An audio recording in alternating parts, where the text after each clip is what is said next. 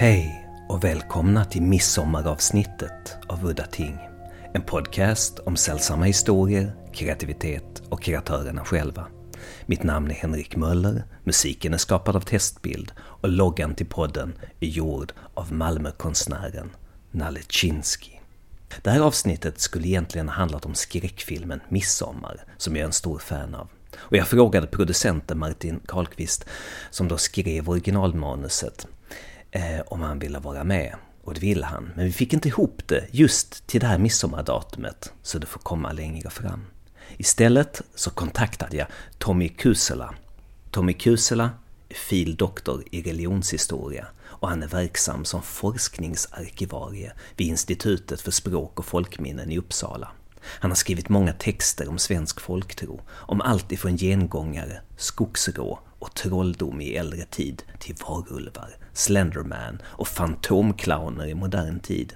Just nu så arbetar han med ett projekt som beskriver folktrons väsen i tid och rum i Sverige. Där sånt som platser och olika berättelsegenrer är viktiga forskningsperspektiv. Så, det här avsnittet ska handla om just det. Skräcken i den svenska folktron. Eller svensk folkhorror, som man också skulle kunna säga. Någonting som tycks vara typiskt i den här folkhorrorgenren är ju att man gärna anknyter på ett eller annat sätt till eh, folktraditioner. Och man på något sätt liksom vill förankra detta i miljön, i, i historisk miljö. Och gärna ute på landsbygden och så vidare. Och här har vi ju jättemycket att ösa ur i svensk eh, folktradition, inte minst i folktro och annat, mycket seder och bruk och annat och trolldom.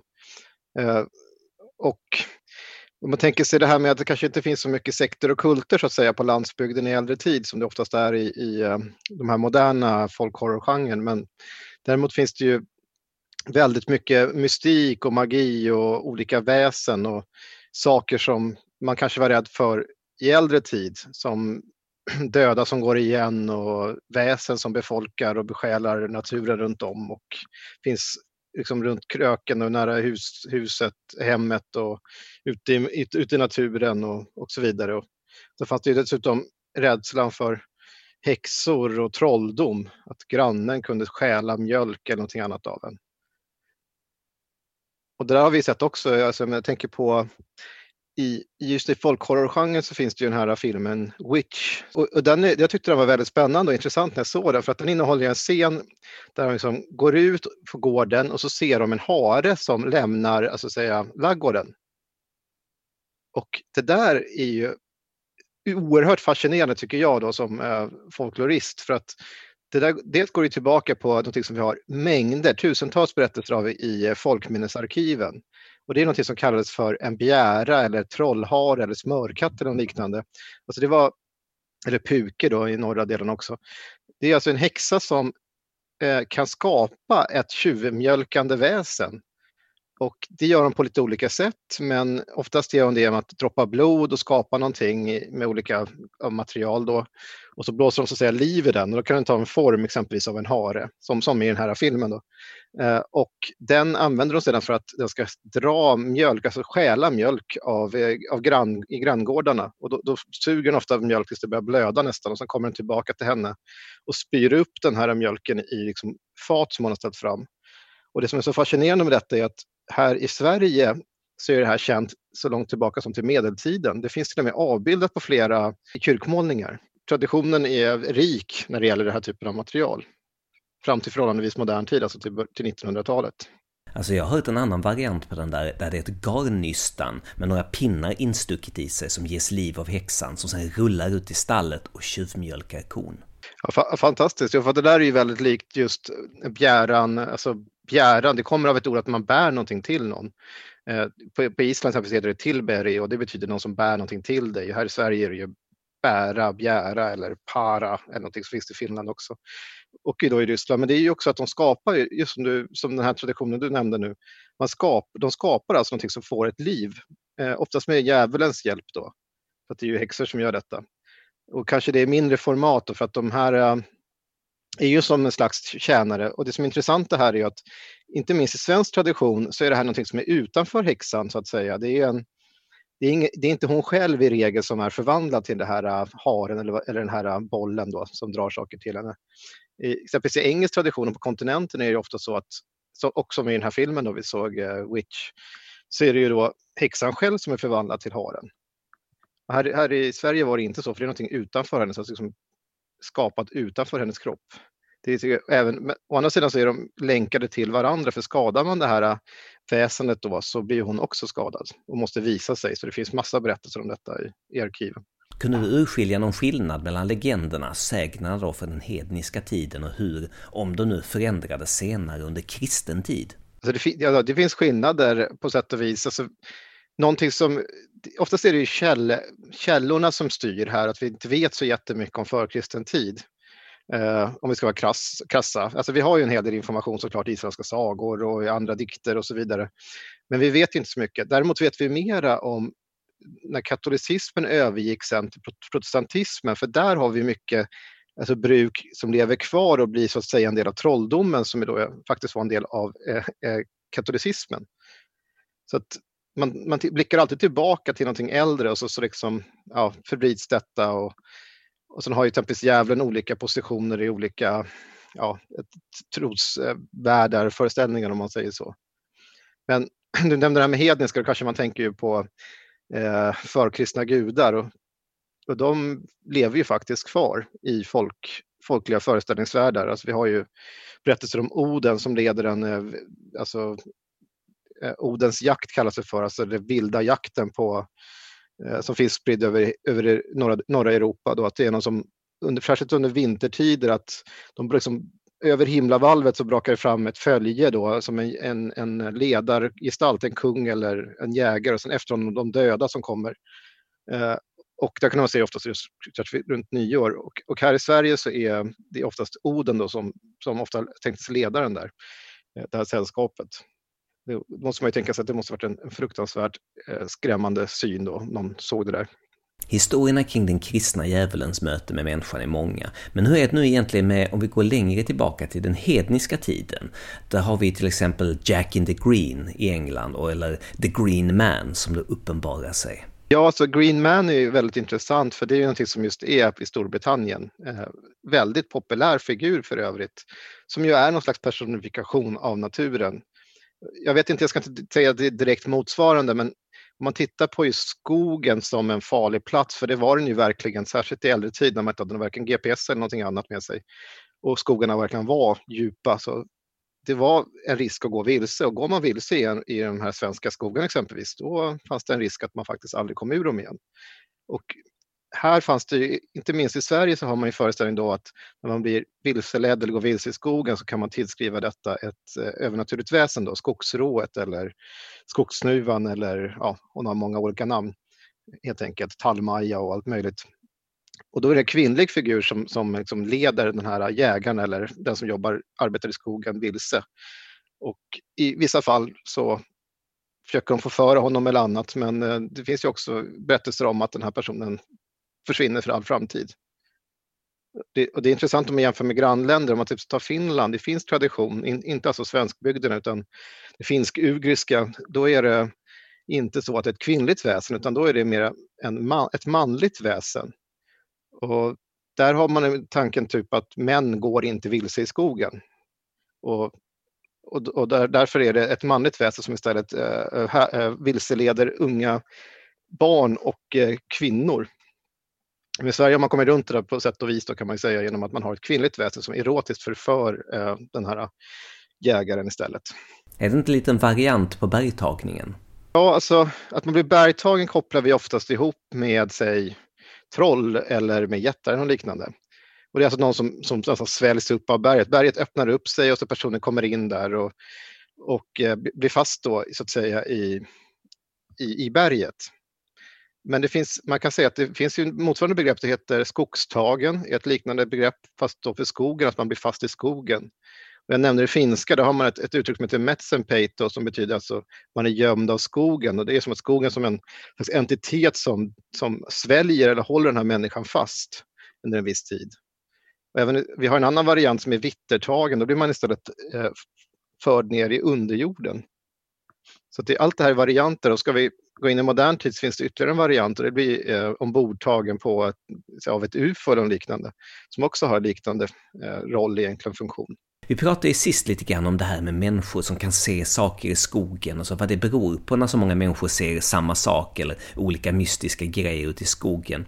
Eh, och till exempel så eh, folk som utforskar grottor kan ju hallucinera när syn och hörselintryck då börjar ta spåret i grottornas mörker. Men vi pratade då lite om skogen och hur synvillor och hallucinationer där kan uppstå. Precis, ja det här har ju med utmattning och så vidare att göra. En person som är i skogen kan lätt gå i cirklar.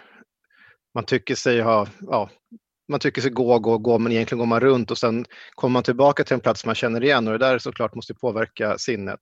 Det finns en del studier på detta också som är intressanta, men just att människor blir utmattade, ja, såklart törsten, hungern, allting kommer in och det påverkar psyket. Och personer som är stressade i den här situationen och det kan röra sig om ett par dagar, gå vilse i skogen, liksom aldrig kommer fram, aldrig hittar rätt igen.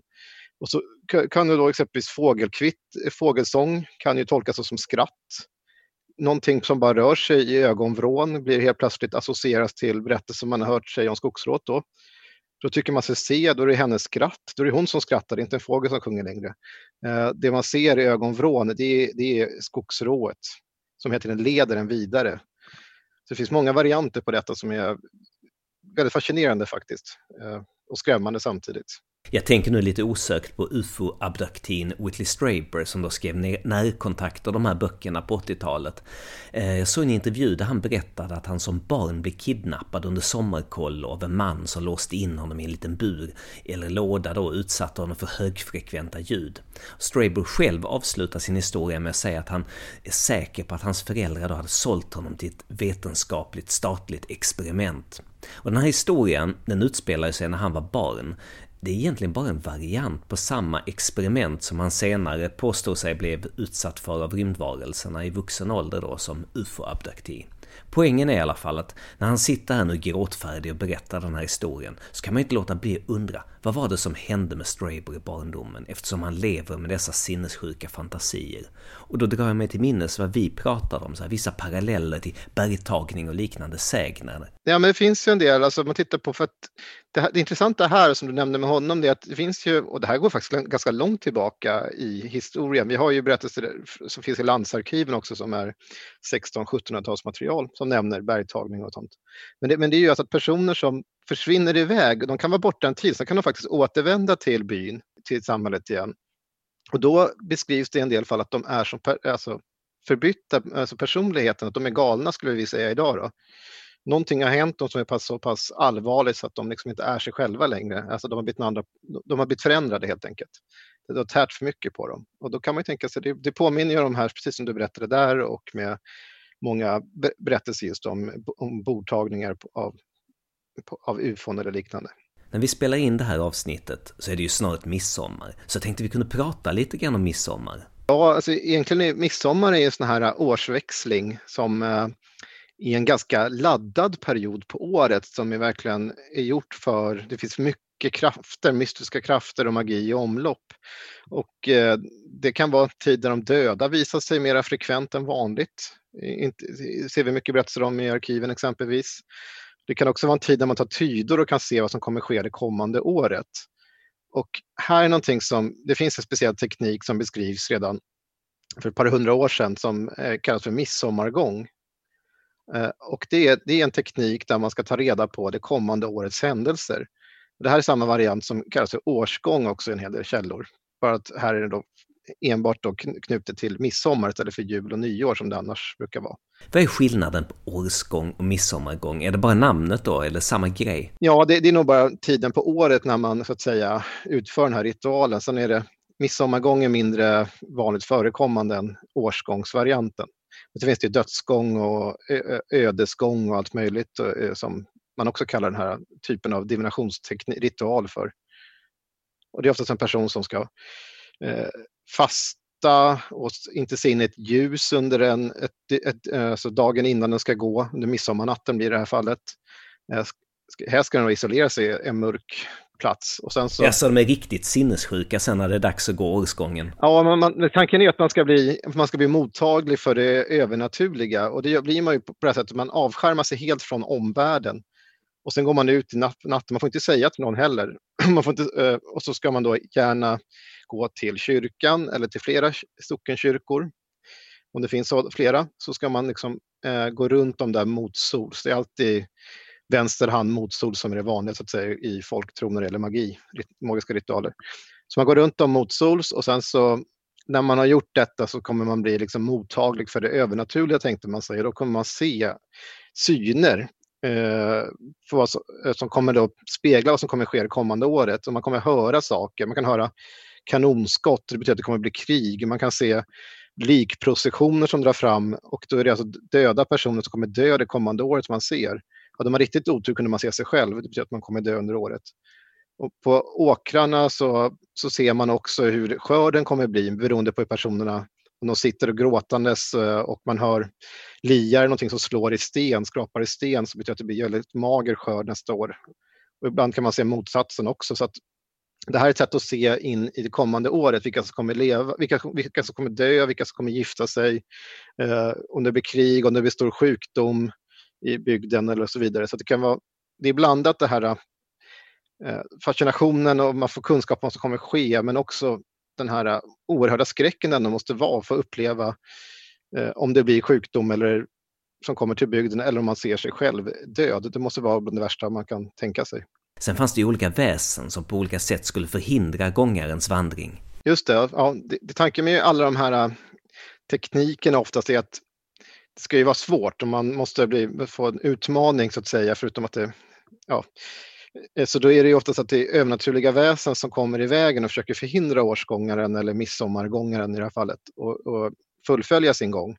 Det kan vara allt ifrån gengångare till andra, andra väsen som kommer och ställer sig i, i personens väg. Det kan också vara lustiga syner som att det kommer hönor dragandes på en liten kärra som eh, ser väldigt fånigt ut så att årsgångaren eller midsommargångaren börjar skratta. Och skrattar man så är allting förgäves. Det kan också vara små alltså, vättare eller något liknande småfolk som på något sätt försöker göra sig lustiga runt personen så att man ska börja skratta. Alltså de kan fjärta väldigt högt och bete sig väldigt lustigt och dra i saker och vara väldigt fåniga. Men så finns det också ett väsen som är mer då är knuten till säg, eh, julen och det är ju gloson då som är känt i södra Sverige som är ett stort, en stor sugga med vars eh, stor, stor ilsken sugga och på ryggen på henne så är hennes rygg formad som liksom ett rakblad eller sågtandad rygg. Och vad hon gör är att hon rusar mot den här årsgångaren i full fart och försöker komma mellan honom, hans eller hennes ben och då klyver den personen i två delar. Så det är väl bara den, farligaste fienden en eh, årsgångare kunde stöta på. Det där är intressant, för jag har en annan historia om Gloson som är mer så sedelärande eller fostrande kanske man ska kunna säga. Med små barn då som är hjulbent, att de skulle hålla ihop benen och sluta gå hjulbent för att annars kunde Gloson komma springande i full fart bakom dem på stigen och springa mellan benen på dem och skära kuken av dem. Finns det fler varianter på den sägnen? Ja, nej, men det finns säkert. För jag, när jag har kikat, jag har skrivit om detta och, skrivit, och det, finns, alltså det finns tusentals berättelser om årsgång i arkiven. Och inte minst finns det väldigt mycket i södra Sverige, Småland, Halland, Blekinge, Skåne framförallt då, om, om gloson. Och, och, det finns många, många varianter på detta. En del har ju använts som så att säga, en fikt, som man säger. En fikt är en fikt, eh, eh, eh, äh, fiktivt väsen, alltså en pedagogisk fiktion som man kunde använda för att skrämma barn och inte göra vissa saker. Typ att de inte skulle gå på ett visst sätt, att de skulle eh, kanske undvika att gå ut när det är mörkt. Vi har ju en, en väldigt känd sådan som inte är gloson, men det är ett annat, en annan sugga, det är ju mörksuggan då, som är känd från, från Dalarna. Idag har den blivit en liten gullig turistsymbol istället, men från början var den just en sån här man skrämde barnen med, gå inte ut för då kommer mörksuggan och tar dig.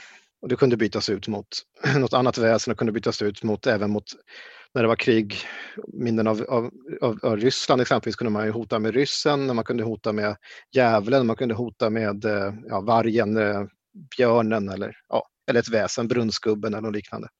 Fanns det något fall av besatthet, alltså possession som man säger, av en ande eller demon i den svenska, svenska folktron? Nej, inte folktro eller folktraditionen kan jag nog inte Drar mig till minnes att någon direkt blir besatt av av någon andar eller liknande. Eh, däremot kan de ju angripa människan på olika sätt. Och det är oftast upp till prästen att driva ut dem. Men i och med kanske att de är i gården eller någonting och måste, man säger att man läser bort dem och det betyder att man kommer med Bibeln och, och läser. Men inte att de direkt är en del. Närmast jag kan tänka mig det är snarare en förbannelse att man kan drabbas och bli varulv eller något sånt där. Men, men det är inte riktigt samma sak som en, en, en liksom oren ande eller man säger som, som, som, man blir besatt av. Ska vi ta och gå in lite grann på svenska varulvssägner? Ja, Sverige är jätterikt på eh, varulvsberättelser och sägner och så vidare och memorat och så från äldre tid. Och det, alltså varulven, är, var, ordet, själva ordet betyder ju alltså manvarg, en, en människa som förvandlas till varg.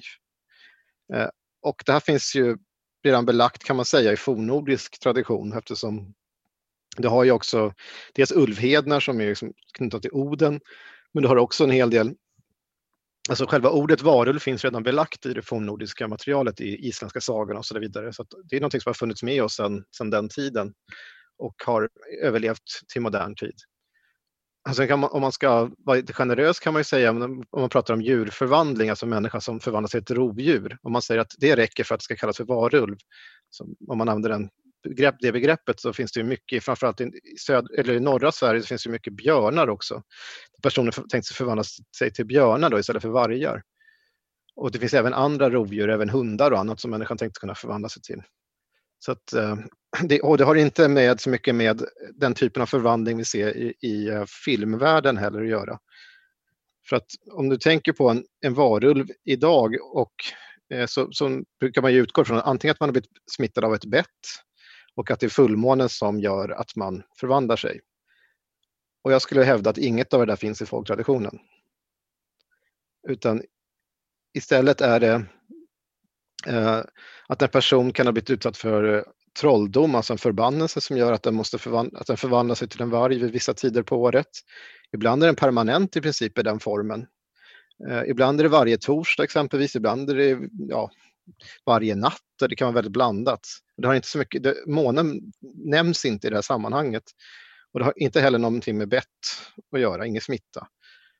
Och det finns också förklaringar, det här är återigen södra Sverige när det finns berättelser om kvinnor som försöker eh, undvika födslosmärtor. Och då, då, finns det sån här likhetstanke eh, inom magin. Man ser någonting i djurvärlden och så om man kopierar det och gör något liknande så kommer man få det, göra det lättare. Och då tänker man sig exempelvis att hästarna ser ut att ha lätt att föda. Och tar man då eh, hinnan som finns kring, kring ett föl när den har kommit. Så om, om någon kvinna spänner upp detta, en gravid kvinna, och kryper igenom denna, antingen naken eller baklänges eller någonting, så kommer de få lika lätt som hästen att föda därefter.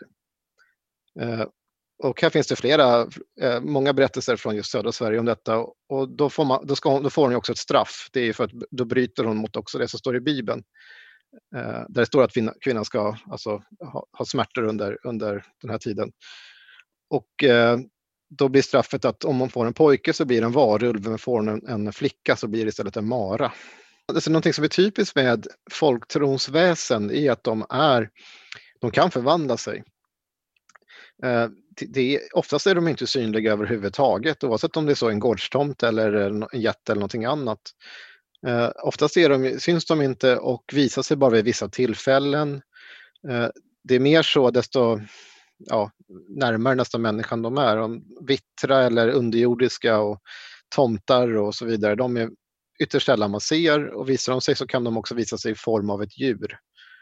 Eh, det är nästan vilket djur som helst. Så att eh, det, det, det, finns, det finns gott av den typen av berättelser. Och, och det var också som jag menar, jag nämnde varulven tidigare. Och här kanske jag ska också säga att varulven inte alls heller ser ut som den brukar göra i Hollywoodfilmer. Utan folktrons varulv i, i regel ser ut som en vanlig varg. Eller vanlig och vanlig, det är snarare så att den har tre ben. Eh, för att den ska av, något sätt göra att den avviker från andra vargar. Och att den har tre ben har en förklaring att när, en, när, när förvandlingen kommer över en människa så går båda händerna ner i marken, alltså den människan får ner händerna, sätter ner händerna i backen och det blir framtassarna. Och ena benet blir till bakbenet på vargen och det andra benet blir till svansen. Så det är så man förklarar de tre benen. Det är en ganska vanlig variant faktiskt på varulvar. Och så finns det ju som Ja, det finns ju björnar och spöksvin och allt möjligt också som kan vara människor också.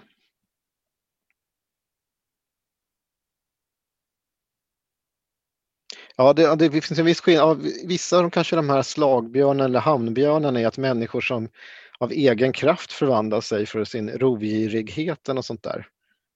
Ibland kan man säga, finns det ju berättelser om ett så kallat varulvsbälte och det är vanligare i norra Sverige då att man spänner på sig speciellt bälte som gör att man kan komma i förvandling och då blir man ofta till en björn när man har det här på sig.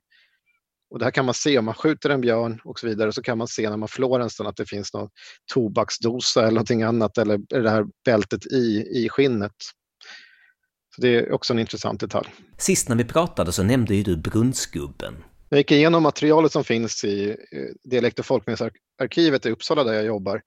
Så finns en insamling med sånt här och då beskriver ju barnen eller vuxna för barnen om att i brunnar så finns den här brunnsgubben som egentligen är perfekt för en skräckfilm, eh, som eh, har en slags krok som den drar ner barn med. Alltså, och det här var ju barnen livrädda för. Och det var ju ett sätt för en vuxna att få barnen att inte leka vid brunnarna eller på brunnarna. För ramlar de ner i dem så, jag menar i äldre tid, det fanns ju inga brandkårer och ringar, det fanns ju inget annat, det var ju kört i princip om de ramlade ner i en sån. Så det, var ett, det var ett bra sätt att, att hålla dem borta. Men så finns det ju andra saker som man typ berättar om, sig eh, vattendrag och så vidare, att man skulle undvika dem för att då kunde man bli neddragen av näcken. Och, men där är det lite annorlunda för de, näcken är ju någonting som även vuxna trodde på. Alltså det är ju någonting som också går ganska långt tillbaka, själva ordet är ju redan, finns redan belagt i fornengelska dikten Beowulf. Eh, men alltså det är också en figur som inte sitter som man tänker sig idag naken och spelar fiol jämt utan det är ju det här är en figur som kunde visa sig som en ung yngling i fina kläder. Den kunde ibland ta formen av ett djur. Känd variant då är bäckahästen, också i södra Sverige, som eh, står vid vattendraget och så sätter sig barnen på dess rygg och desto, desto mer barn som sätter sig desto längre blir den här hästen. Och när alla barn sitter på den rusar den ut i vattnet och dränker allihopa. Så det är en ganska skrämmande bild. Men sen har det också att många kunde inte simma heller. Det var inte så att man eh, var sim, äh, eh, tränad för att simma och det gäller även vuxna. Så att, att eh, undvika farliga vattendrag var ju verkligen äh, viktigt för att överleva, så att säga. Särskilt med starka, starka strömmar. En figur som jag minns väldigt tydligt som skrämmande när jag var barn, det var den här lyktgubben som var ute i natten och lyste med sin lykta och stora ögon. Lyktgubbar och irrbloss och sånt där, det är ju det är någonting, det finns massa beskrivningar i arkiven om det också. Så att, och det är ju någonting, ibland så säger man att det är ett straff för lantmätare, alltså döda lantmätare som orättvist har dragit gränserna så att säga. Eh, och att det är det straffet för döda, att de liksom spökar som de här eh, ljusen så att säga. Eh, och de här finns det också berättelser om folk som har förföljt och blivit lurade vilse av och sådär.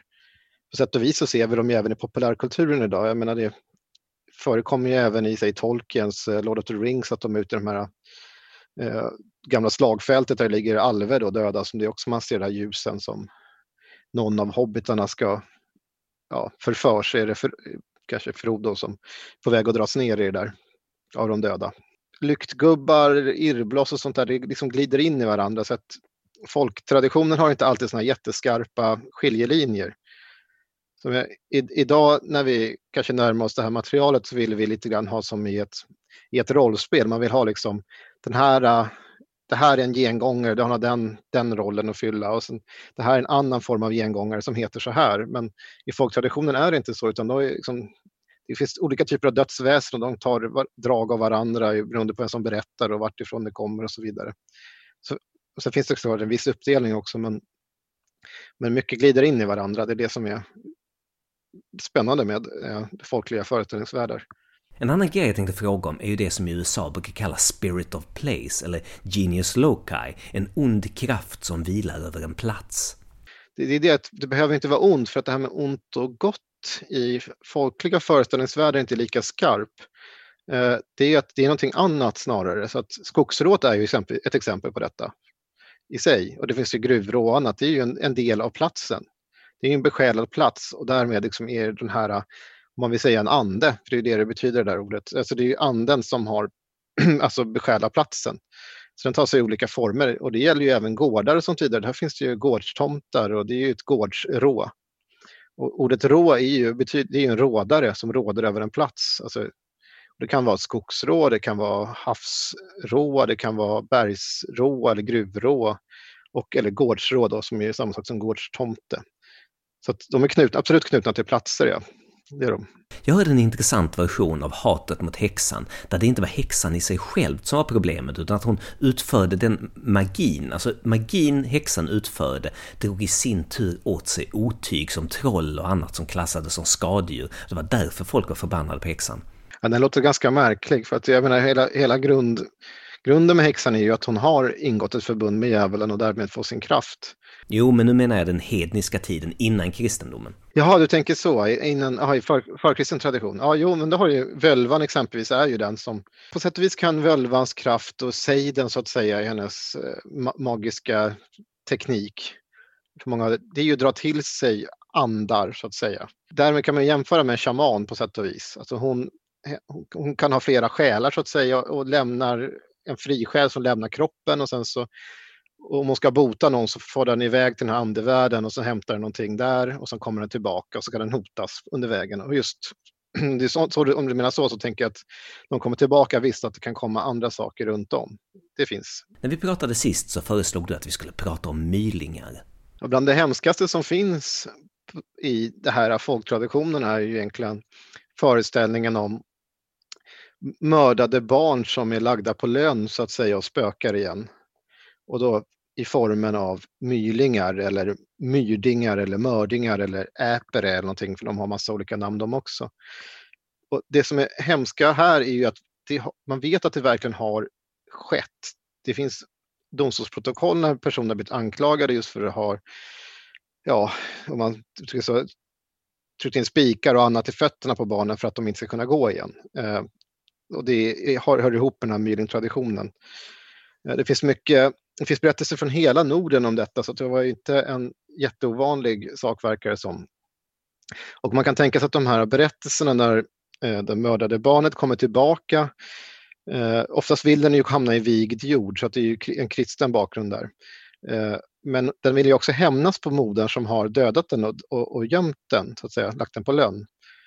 Eh, och, och, det gör den på olika sätt. Ibland visar den sig, ibland så vill den amma kvinnan tills hon liksom kommer blod och nästan eh, dödar henne. Ibland slår den ihjäl henne, i, i vissa fall så bara visar den sig så att andra får veta att hon har begått det här brottet, så att hon ställs inför rätta för det.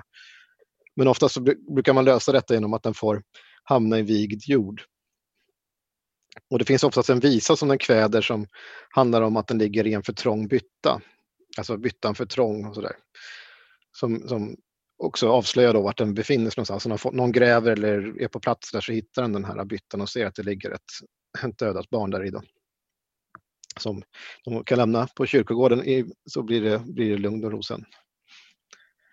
Men det här är någonting som jag tror absolut inte är förkristet utan det är så mycket i den här berättelserna som är knutet till just eh, kristen moral så att säga. Man hade dessförinnan så var det faktiskt okej okay att sätta ut barn, hur hemskt det än låter. Eh, för att den var inte, ett barn var inte accepterad, en del av familjen förrän han satt på sin faders knä alltså, eh, och eh, fått ett, ett namn och liknande.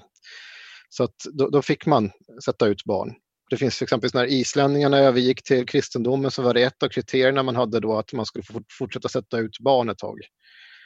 Och det är en förkristen grej. Så att därför tänkte jag att mylingtraditionen måste komma med kristendomen.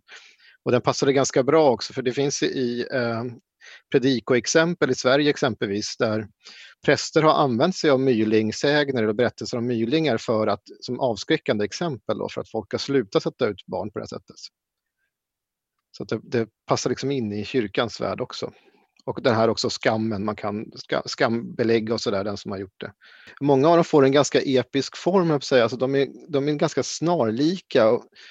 Oftast är det då en kvinna som får vänta barn och det kan ju vara så att hon har fått det utanför äktenskapet eller någonting annat som gör att hon inte kan behålla det och inte vill heller visa upp det så att hon eh, gör tidiga aborter och liknande och sen så lägger hon barnet i en liten trång bytta, en liten bytta som hon har då och så gräver hon ner den sig under eh, golvet i stugan där de bor. Och sen glömmer de bort det och sen efter några år så börjar de höra ibland vissa tider att, att det kommer en sång nästan under, under golvet och då är det det här barnet som liksom sjunger att den, att den ligger där i en för trång bytta eller någonting annat än att den vill ha strumpor för att eller någonting annat och den vill ha någonting. Och då gräver man upp eh, golvet och så ser man den här eh, lilla behållaren då och så vet man att det är en, en, en myling som är där. Andra varianter är att den, att den kommer exempelvis när hon eh, ska gifta sig eller gifta om sig eller någonting så visar den sig som en yngling det här barnet och dansar med henne eller liknande. Så dansar den till och med ihjäl henne för att eh, hämnas då och då är det en, det här barnet som har växt upp till en vuxen form eller förvandlar sig till en vuxen form. Finns det några svenska exempel på homunculus eller voodoo-dockor, alltså magiska föremål som skulle gömmas hos någon för att påverka dem på något sätt? Det finns saker som hör ihop med trolldom som är dolda och gömda i hemmen.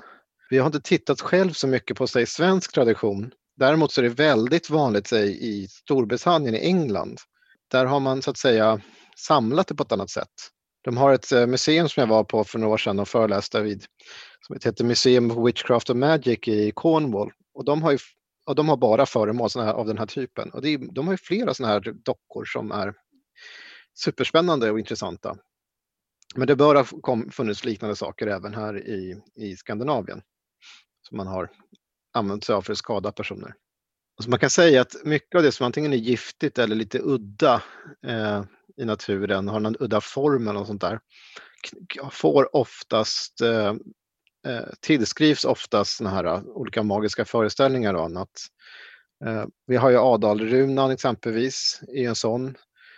Tibast vänderot är också någonting, fast det brukar användas snarare mot eh, det övernaturliga. Eh, bär som har, rönnbär som har väldigt stark färg kan också vara eh, knutna till trolldom. Så att det, jag kan inte på rak arm komma på någonting nu så, men oftast är det som är lite giftigt eller har en annorlunda form får oftast eh, också en funktion inom eh, folkmedicinen och, och, och magin. Har det gjorts någon sägenstudie på alla dessa historier har spridits över Sverige och genom tiden då förändrats? Om det gäller rena sägner, alltså berättelser som har en viss form av episk form, så kan man, har det getts ut av en svensk folklorist som många känner igen, Bengt af Klintberg, så har det getts ut ett sån typindex och då kan man, alltså typindex över svenska sägner och då kan man se alltså grundformen så att säga på, på berättelserna är snarlik och den kan liksom vara spridd över hela landet från Lappland i norr till Skåne i söder. Då kan man känna igen liksom formen och sen kan man, finns det oftast olika motiv som vi kallar det för, alltså små, små beståndsdelar i de här berättelserna som man också känner igen. Men sen kan också allt det här kombineras på olika sätt av olika berättare och det här är också en del av trosföreställningar så folk har ju själva upplevt, säger de, mycket av det här som liksom knyts ihop på det här sättet. Men man känner igen det över många delar av landet, många berättelser som är väldigt snarlika. Så finns det också de här plötsliga äh, mötena med memorat som kan vara väldigt annorlunda. Det är ju personliga äh, beskrivningar och föreställningar som kan avvika ganska mycket från traditionen i övrigt. Då. Det intressanta är att många av de här eh, sägentyperna och motiven, anledningen att man har egentligen gjort den indelningen är för att man ska kunna jämföra över världen. Så att eh, de här motivindex gjordes jättekända förut. Eh, Stitt Thompson hette det som, som man liksom kan titta på över hela världen på motiv. Och, och det var oftast inte minst med folksagor att man kan se samma berättelser på olika håll och så kan man fundera på varför de hur de har spridit sig över olika eh, geografiska områden och hur vissa saker kan uppstå på olika delar av världen samtidigt ungefär. Om man har liknande former och så. Det är superspännande. Någonting... Nej, det finns nej, det är precis det är som med mycket forskning, att det är olika hypoteser och, och så vidare. Man kan tänka sig att en del har ju verkligen vandrat med folk muntligen. Eh, om man säger indoeuropeisk kultur kan man tänka sig att en del har förts vidare liksom med folk som talar liknande språk. Och sen så får man ju alltid intryck av alla grannkulturer de möter på och så vidare så att saker och ting eh, vandrar vidare så att säga. Det här som här kan ju ta lång tid. Men det kan också uppstå för att människor har liknande eh, behov, önskningar, kanske sätt att se på sin omvärld och också bruka sin omvärld, alltså jorden och annat. Och då blir det att man får liknande typer av berättelser.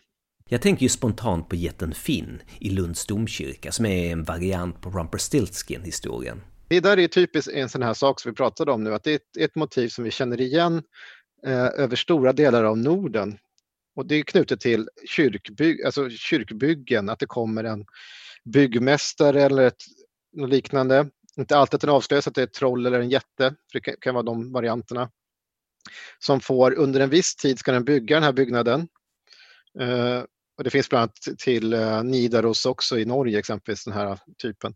Och då ska den som till sin lön har ganska omöjliga saker, säg att den ska ha prästens ögon eller kungens liv eller någonting annat, och sol och måne i vissa fall.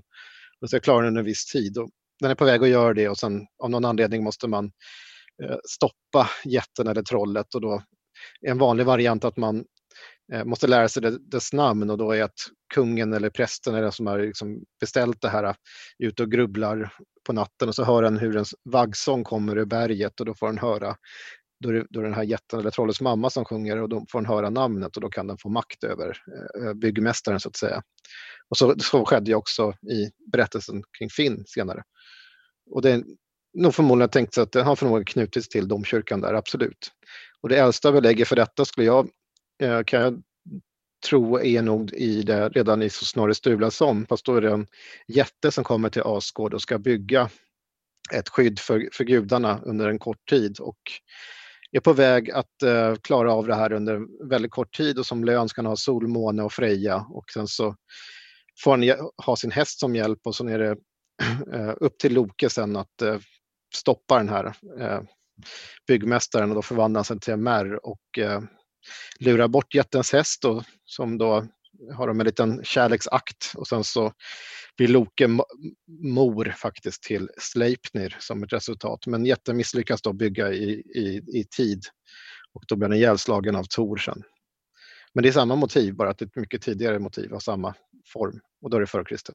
Sen tänker jag på Ari Asters film Midsommar. Och det är ju klart att den skildrar ju en sekt, så där kan de ju anamma vad de vill till sin tro. Men det är ändå intressant att fråga, hur mycket av innehållet i den filmen är baserat på sägner och legender? För det enda som jag känner igen och minns det är i princip bara ättestupan. Alltså ättestupa-grejen är intressant också för den bygger ju också på fiktion. Det är ju en sån här uh, stormaktstids uh, ja, uh, missförstånd. Så att jakten på ättestupor var ganska stor, stor under, under en viss tid här i Sverige men om det verkligen har funnits ättestupor är, är väldigt tveksamt. Även om det nämns i några sådana här fornaldrasagor, alltså ganska unga sagor. Det finns vissa saker i filmen som trots allt har viss, eh, man kan hitta jämförelser i folktraditionen och det är till det som kallas för kärleksmagi då, alltså svart magi skulle vi egentligen kalla det för. för att det är, man försöker få någon förälskad i sig och det finns ju sådana scener när hon tar bland annat könshår. För så, sånt finns det beskrivet också, att man tar könshår eller sekret eller vad som helst eller till och med blod och blandar i till den som man vill bli, få förälskad i sig. Och det är svart magi för att det, tanken är att den ska bli eh, ja, tokförälskad helt enkelt och, och inte ha kontroll över det. Um, så det, så det finns, men oftast är det då att man kanske smugglar ner i sprit eller någonting annat eller kaffe eller någonting. Men, men absolut, det, det kändes ju rimligt att man även kan baka in det så att säga. Och sen finns det ju, i folktraditionen finns det också berättelser om Eh, att man har äpple i, i armhålan så att det liksom verkligen suger åt sig svett. Eller i ljumsken och så ska man bjuda den man vill ha kär på det. Det låter ju kanske inte så romantiskt men det, är, det är ett, ett av, en av metoderna som faktiskt finns beskriven. Det finns ju även mera liksom drastiska metoder som att man, och det är en kvinna då som ska ha eh, en sill eller något liknande i sitt underliv och sen ska den servera den den vill ha, den här eh, fisken. Så att jag även även i arkivmaterialet så kan det se ganska märkligt ut då i moderna våra sätt att se på saker och ting.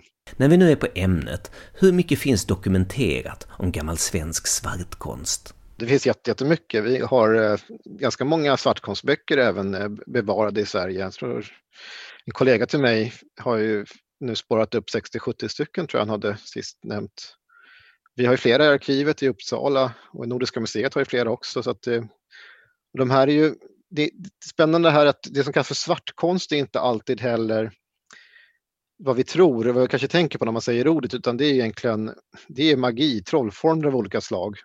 Och i en svartkonstbok så i, i regel så brukar majoriteten av formlerna i dem vara boteformler eller någonting annat eller för att läsa bort råttor eller eh, bota någon person om benbrott eller stoppa blod eller någonting sånt där eller läsa bort ormar. Men det, kan, det finns ju också det som är associerat med att man kanske väcker de döda till liv. Att man ingår förbund med djävulen, att man då kan hitta, man inte bara hittar en tjuv utan man slår också ut tjuvens öga. Det är ganska vanligt faktiskt eh, i de här formlerna. Att man liksom slå, ja, och det, jag tror att det är lika grafiskt som det låter, att man gör personen blind på ett ganska brutalt sätt. Så absolut, det finns mycket, det finns mycket formler eh, i, i arkiven. En av de bästa samlingarna är ju Bengt av Klintberg som på 60-talet gav ut den här Svenska trollformler. Alltså mest lättillgänglig så finns det ju av Linderholm och så vidare som är större svenska skrock och signerier. Men hur ser innehållet ut i de här böckerna? Är det bara ord som ska uttalas eller är det pentagram och ritualer? Allt det där finns. Jo, eh, eh, det, det, finns eh, form, trollformlerna är ju alltså verser som du ska läsa upp högt i regel. Och det finns också rit, riter beskrivna kring dem, att du kanske ska blanda ihop vissa saker, du ska sticka mm, hål i, i fingret och droppa blod och så vidare. Alltså, och många, särskilt när det är mera eh, bildat så att säga, att det finns en hel del trollform, alltså säga, symboler, magiska symboler som också ska målas och ritas upp och så vidare. Så att du har ju pentagrammen och du har ju massa andra sådana saker, klassiska magiska symboler, också bevarade i de här svartkonstböckerna. Eh, så det, det, är en tradition som är väldigt gammal och vi har ju redan i antiken finns det bevarade eh, trollformler av olika slag, alltså verser. Så att, och en del av de här trollformlerna som vi har även i arkiven har förmodligen gått man tillbaka till, till eh, tidig medeltid åtminstone, eh, form, formler som man känner igen själva eh, episka strukturen i själva formen som är alltså över tusen år gammal. Då. När jag tänker med sådana böcker så är det ju som att det liksom finns bara ett enda exemplar skrivet för hand med fjäderpenna och bläck liksom som de sedan har bundit ihop själva. Vi har ju många som är, är skrivna på så här, ja, sydda med papper och kanske hårdare pärmar och sånt där. Sen är det såklart, de absolut finare är ju till och med pergament eller något liknande som, som är, är, håller bättre. Men men i regel så är det inte mer än häften så att säga eh, som man har sytt ihop bladen. Och det är inga som jag känner till som heller, inte i Sverige i alla fall, som är gjort av människohuden och sånt där som man kanske annars kan föreställa sig. Däremot finns det ju böcker som är av människohud, men inte, inte här i Sverige. Det finns ju också den typen som jag nämnde lite grann här om att man kan väcka de döda till liv. Och då, ja, då, är vi nästan, då är vi nästan inne på någon slags tidig zombieföreställning för att det är ju faktiskt grunden till zombier är ju faktiskt eh, en trolldomskunnig som väcker en döda till liv och får kontroll över den. Så det, det, finns en variant på det här också, men det är också sådana som kan vara att man också skjuter så att säga trollskott eller något liknande på sin motståndare. Och det är också att man skadar den genom en slags magisk missil helt enkelt. Oftast blir det sjukdom av det. Och sätta sjukdom på personen kan man också göra via trolldom. Den död persons kropp är, full med eh, ingredienser om man ska vara riktigt grov här, som en trolldomskunnig kan utnyttja och använda sig av. Allt ifrån naglar av den döda till ben till annat, alltså som kan användas i trolldom i olika syften. Så då kanske det finns historier om gravplundrare som ville åt kropparna av den anledningen? Ja, precis. Ja, det finns eh, berättelser i svensk tradition om detta, absolut. Att, eh, de, att det fanns personer som ville komma åt eh, kroppar av de döda, av, av, även självmördare och sånt där, att deras kroppar kunde också vara bra. Alltså ta ingredienser ifrån. Och det här kunde användas till alla, alla möjliga konstiga saker som att till och med till att bota men också till alltså, illvillig trolldom men även eh, läkande formler och annat. Det kunde användas till ölbryggning till och med. Alltså det, det är jättekonstiga saker som vi kanske inte associerar med men att, det, att det liksom, de är så kraftladdade så att de liksom sätter saker i rörelse. Så att eh, om en bryggare hade, ölbryggare hade en sån här eh, död mans ben, så att säga, en tunna, så kunde det, kunde det vara bra. Alltså, ja, det är svårt att eh, komma på några exakta exempel här nu på rak arm, men, men det finns eh, väldigt, väldigt, mycket beskrivet i alla fall av just kroppsdelar och annat från döda, hur, hur det kunde hänga hur, hur det kunde eh, sättas på olika platser som skydd eller annat eller att det kunde malas ner i diverse brygder och dekokter som då kunde drickas för att antingen få någon kär i en eller som skulle bota sjukdomar eller någonting annat. Så det var väldigt blandat. Har vi någonting kvar som kan vara intressant att nämna när vi nu håller vårt fokus på skräckaspekten av folktron? Det skulle vara de aggressiva döda, men de, de är ganska ovanliga. Jag skrev en artikel om det som kommer nu i höst i en zombiebok. Eh, men det var svårt att hitta materialet för att jag menar gengångare som vi tänk, alltså gengångare är döda överhuvudtaget som går igen, men den fysiska kroppen som alltså likspöken som ligger närmare den som tänker, tänker zombier i modern tid, i, i, i fiktiva zombier då, är ju svårt att hitta för oftast är spöken de är så flytande och har inte riktigt den här formen och de är sällan ute efter att skada människan. Det finns ju men det är inte så vanligt. Så jag fick gräva ganska mycket innan jag hittade dem, den typen av berättelser. Om vi nu reder ut begreppet, vad menas med det aggressiva döda? Det är att de alltså, angriper människor då på olika sätt, alltså fysiskt. Vi har ju det här i, i det fornnordiska, i svenska sagorna är det ganska vanligt, men sen, sen försvinner det ganska mycket skulle jag vilja säga. Eh, uh, återkommer, eller kommer då och då, men nu med zombier och så vidare så har det blivit väldigt vanligt och inte minst med skräck, skräckfilmer och uh, inte minst berättelser, eh, litteratur har ju gjort sitt till för att de döda ska bli mera ilskna, hatiska mot människan. Jag tror också att man jämför en spökberättelse i modern tid med äldre så är det oftare idag att man kan hitta det här med antingen så är det eh, spöken, en slags besökare av de, de, de kära, nära och kära som har dött, så då är det mer positivt nästan. Och sen har du det här väldigt läskiga, farliga spöket som liksom är kvar och hotar och inte är så personlig utan bara är ute efter att skada och skrämma sin omgivning och den är inte så jättevanlig tycker jag i, i det äldre materialet. Det är oftast en knutet till en som särskild berättelse, en speciell person. Och det fungerar jättebra som i skräck, alltså som skräckfilm och så vidare men det är ingenting som man hittar i svenska folktron. Däremot så vet jag att det finns varianter som skiljer sig. I, i, det är ju en jur, jurei, jurei tror jag heter i japanska, deras form av spöken. De har ju en annan typ av spökberättelser som ju skiljer sig en del från våra. Så det, det kan tro att det där kan finnas kvar där med att det dröjer sig kvar i, i byggnaden på ett annat sätt där. Men om vi nu fokuserar på de här få fallen i svensk tradition av de aggressiva döda, hur ser de ut? Det är gastar som typ sätter sig på en hästvagn eller liknande som försöker dra ner och plågar eller som ger sig på personer, men det, de, de är alltså inte alls lika vanliga som de här som kanske visar sig och vill ha någonting uppklarat, att de vill visa på att det finns gömda pengar som släktingarna ska ha eller att det är ett mord som har begåtts och då måste det avslöjas så att den döda får ro igen eller någonting annat.